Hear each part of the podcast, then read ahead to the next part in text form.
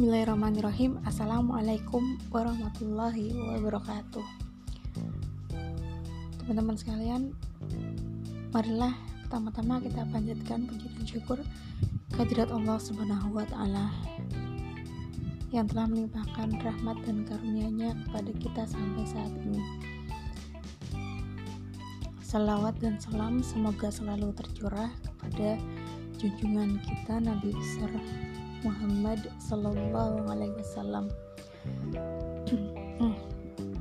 uh,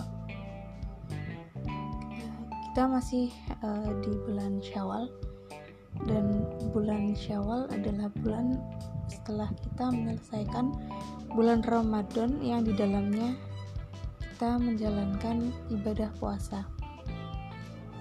Nah, biasanya kita di lepas Ramadan ini atau selesai Ramadan ini ngerasa ibadah-ibadah kita itu kemudian menjadi kendor. Semangat kita melemah dan ini membuat berpengaruh kepada eh, amal amal ibadah kita. Teman-teman yang selalu dirahmati oleh Allah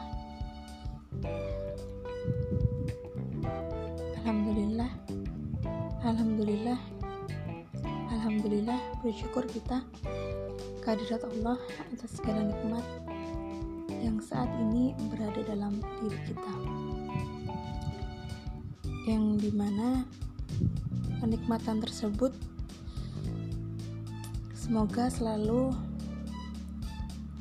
dapat kita terapkan kita lakukan untuk melaksanakan ibadah kepada Allah Subhanahu wa taala. Semoga Allah Subhanahu wa taala senantiasa menerima seluruh amal ibadah kita.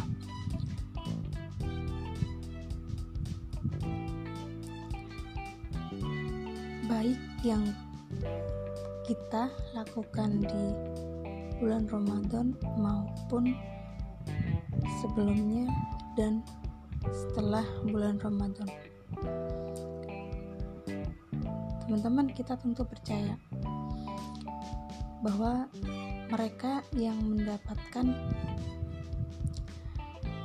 yang mendapatkan amal ibadahnya diterima di sisi Allah maka mereka termasuk dari orang-orang yang mendapat gelar takwa. Doa kita bersama semoga kita termasuk dari orang-orang yang mendapat gelar takwa tersebut.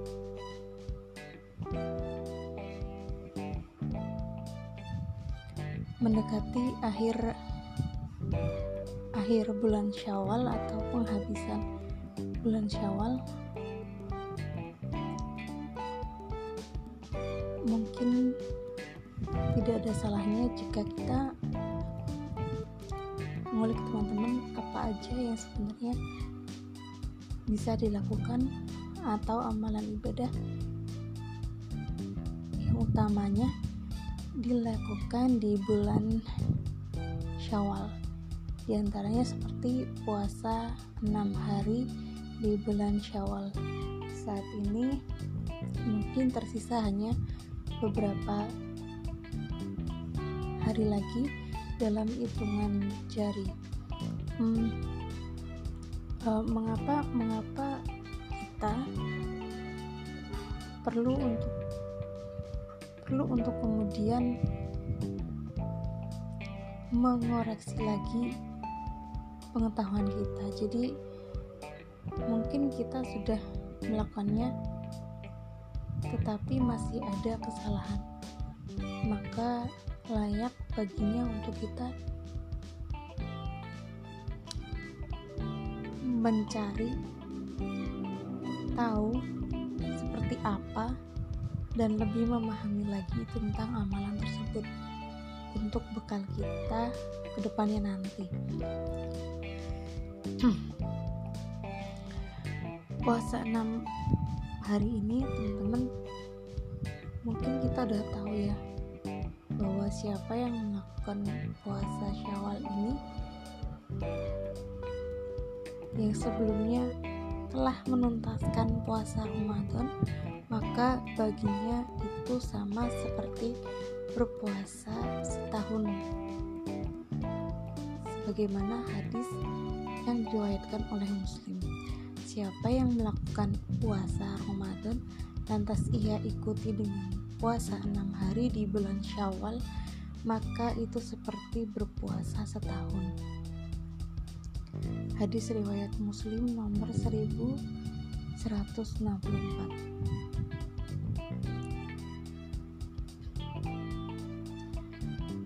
jika jika kita sudah melakukan jika kita sudah melakukan amalan itu tidak salah tidak ada salahnya bagi saya maupun kalian teman-teman untuk berdoa memohon memanjatkan doa kepada Allah.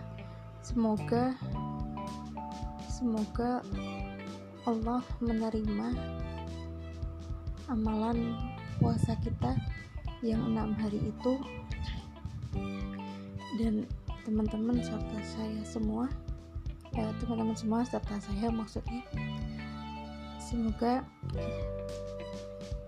diterima amalan kita dan kita menjadi orang-orang yang bertakwa dan tetap semangat setahun ke depan.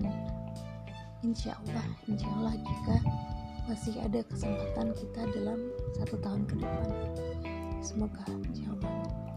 Nah uh, melanjutkan uh, doa juga kita memohon kepada Allah Allah subhanahu wa taala senantiasa memudahkan saya dan teman-teman untuk tetap dapat istiqomah di jalan ketaatan ini.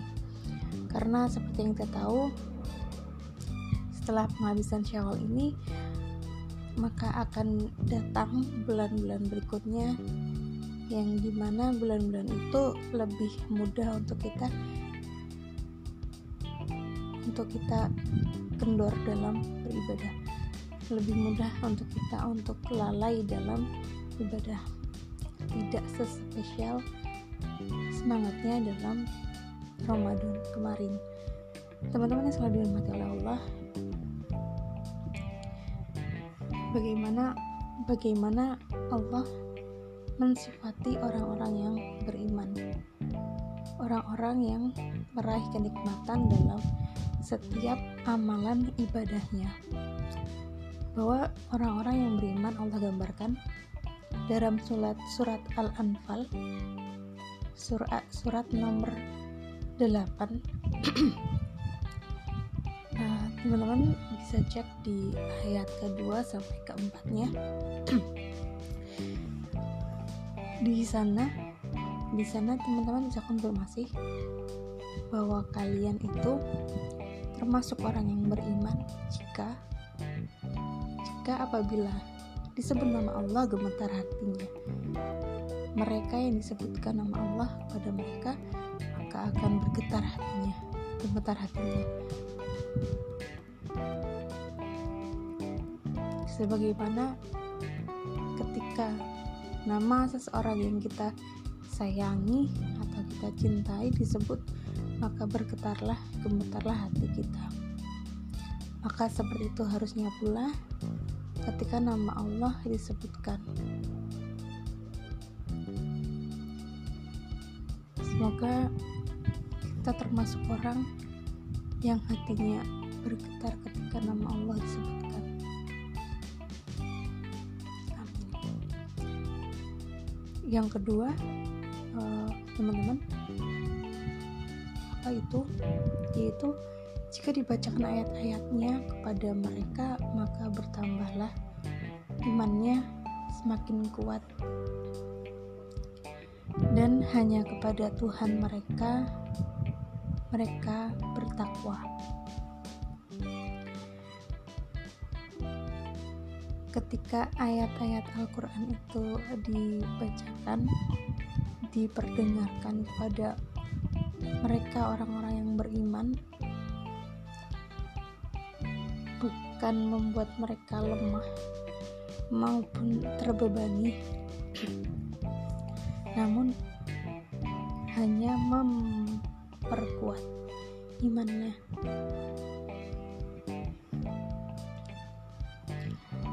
Tak ayal kita uh, kalian dia itu akan dianjurkan untuk atau sangat baik kalau kita setiap harinya itu membaca setiap waktu kita itu diisi dengan Al-Quran. Maka mereka yang senantiasa dekat dengan Al-Quran maka kuat imannya. Dan semoga menjadi orang yang didefinisikan sebagai orang yang beriman maka syarat berikutnya menjadi orang yang beriman adalah mereka yang melaksanakan sholat. Mereka orang-orang yang senantiasa tidak luput melaksanakan sholatnya. Baik itu sholat wajib lima waktu maupun sholat sunnah.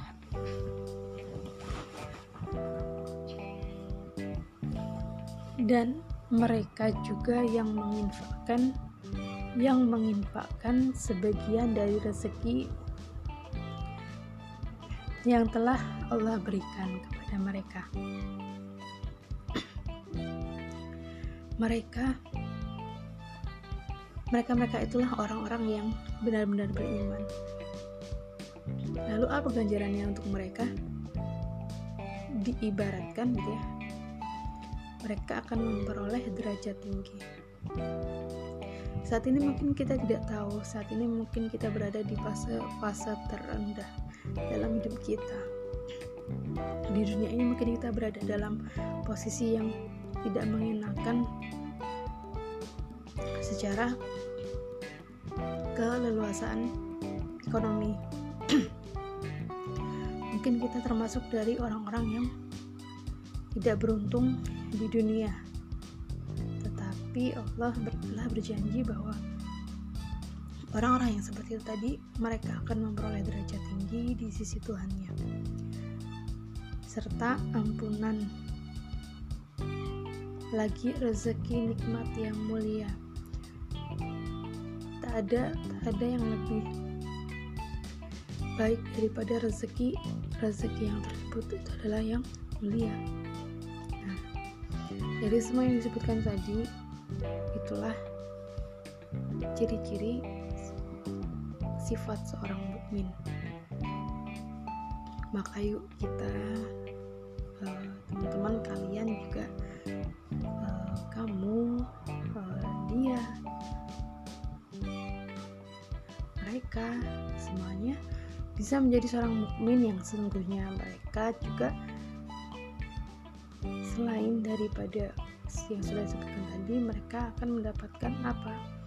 Yaitu kenikmatan dalam beribadah. Makanya mereka akan terus melakukan ibadah-ibadah selanjutnya satu ibadah akan memanggil ibadah yang lain. Dan itu mirip seperti satu satu kemaksiatan yang akan mengundang kemaksiatan berikutnya. Jadi tolong jadi jadi ya sebisa mungkin kita jangan lepas daripada satu ibadah mulai dari berzikir mungkin dari membaca Al-Quran, sholat dan amalan lainnya. Yang di mana uh, amalan tersebut disyariatkan? Uh, Rasulullah sendiri sendiri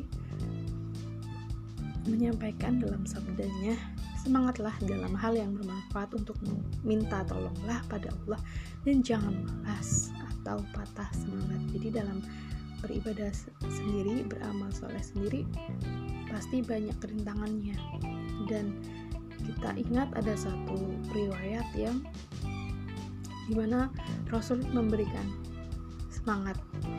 Dan serta bukan hanya ucapan semangat ya semangatlah gitu enggak enggak cuma itu tapi juga ada solusinya minta tolonglah kepada Allah karena sebelumnya ya lagi-lagi semua itu milik Allah. Gitu jangan malas juga adalah salah satu upaya upaya yang bisa kita lakukan. Pilihan kita untuk tidak malas atau mengerjakan sesuatu akan jadi sesuatu yang bermanfaat bagi diri kita sendiri. Dan tentu pekerjaan-pekerjaan yang ada di depan kita akan terselesaikan termasuk ibadah itu sendiri. Nah ibadah merupakan amalan yang sangat bermanfaat bagi kita semua. Jadi teman-teman kita sebagai muslim tanpa terkecuali jangan melewatkan ibadah. Karena dahulu karena dahulu sampai sekarang ibadah ini adalah amalan yang sangat jika jika dahulu kaum kaum uh, salaf itu sangat bersemangat selalu bersemangat uh, dalam hal-hal yang mengandung manfaat seperti ibadah dan apa pun melakukan perjalanan untuk menuntut ilmu walaupun jaraknya jauh dan di bawah terik matahari.